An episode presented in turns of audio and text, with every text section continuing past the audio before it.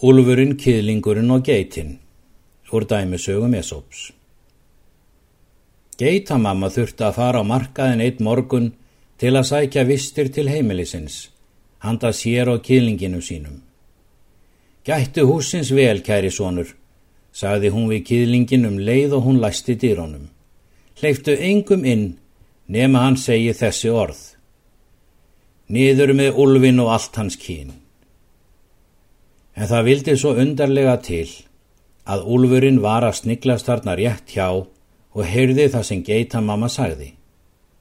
Hann trítlaði því upp á húsinu um leið og geitamamma var farin, barði að dyrum og sagði mildri rött.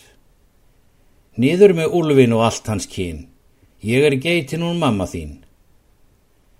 Þetta voru að vísu réttu líkilorðin, en til öryggis gægði skiðlingurinn út um rifu og hörðunni og sá þá andlit sem ekki var með skegg eins og geiturnar.